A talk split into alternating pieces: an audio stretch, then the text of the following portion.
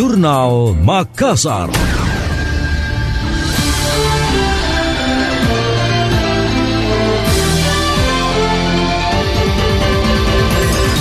Komisi Pengawasan Persaingan Usaha KPPU bersama Dinas Perdagangan Sulawesi Selatan meninjau pasar tradisional untuk mengecek harga dan stok bahan pokok.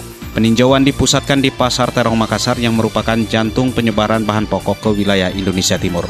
Hasilnya ditemukan kenaikan harga sejumlah komoditas, di antaranya beras, cabai, dan bawang merah.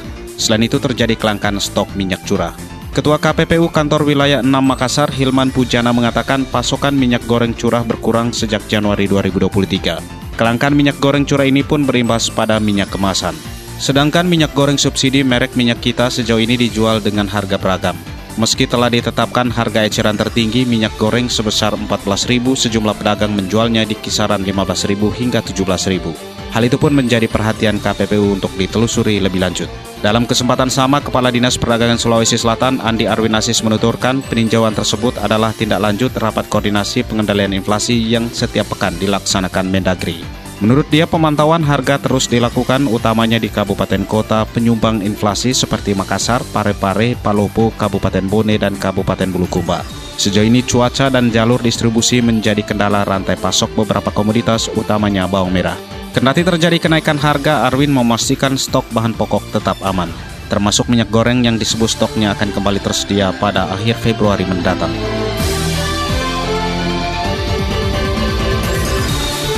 Video viral di media sosial memperlihatkan seorang ibu memberi kopi saset ke bayinya di daerah Goa.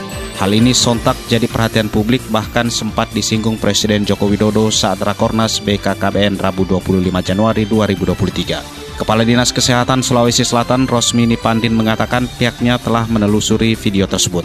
Pelaku mengakui video tersebut dibuat hanya untuk kebutuhan konten. Meski demikian pihaknya tetap menelusuri soal masalah gizi yang dialami bayi tujuh bulan tersebut, termasuk pemahaman orang tua bayi itu soal kebutuhan gizi. Rosmini menegaskan kopi saset tidak cocok diberikan untuk balita, sebab mengandung gula dan kafein yang justru berbahaya bagi tumbuh kembang balita. Dia menyarankan balita diberi air susu ibu atau ASI atau susu formula dan makanan pendamping ASI atau MPASI. Selain itu, Rosmini meminta orang tua untuk rutin mengecek dan berkonsultasi ke posyandu terkait pemenuhan gizi balita.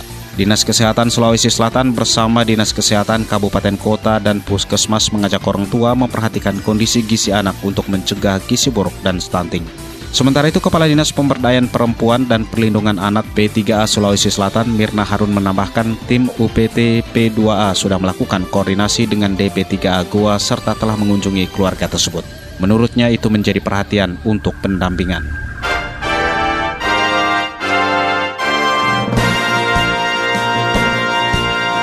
Demikian tadi, Jurnal Makassar.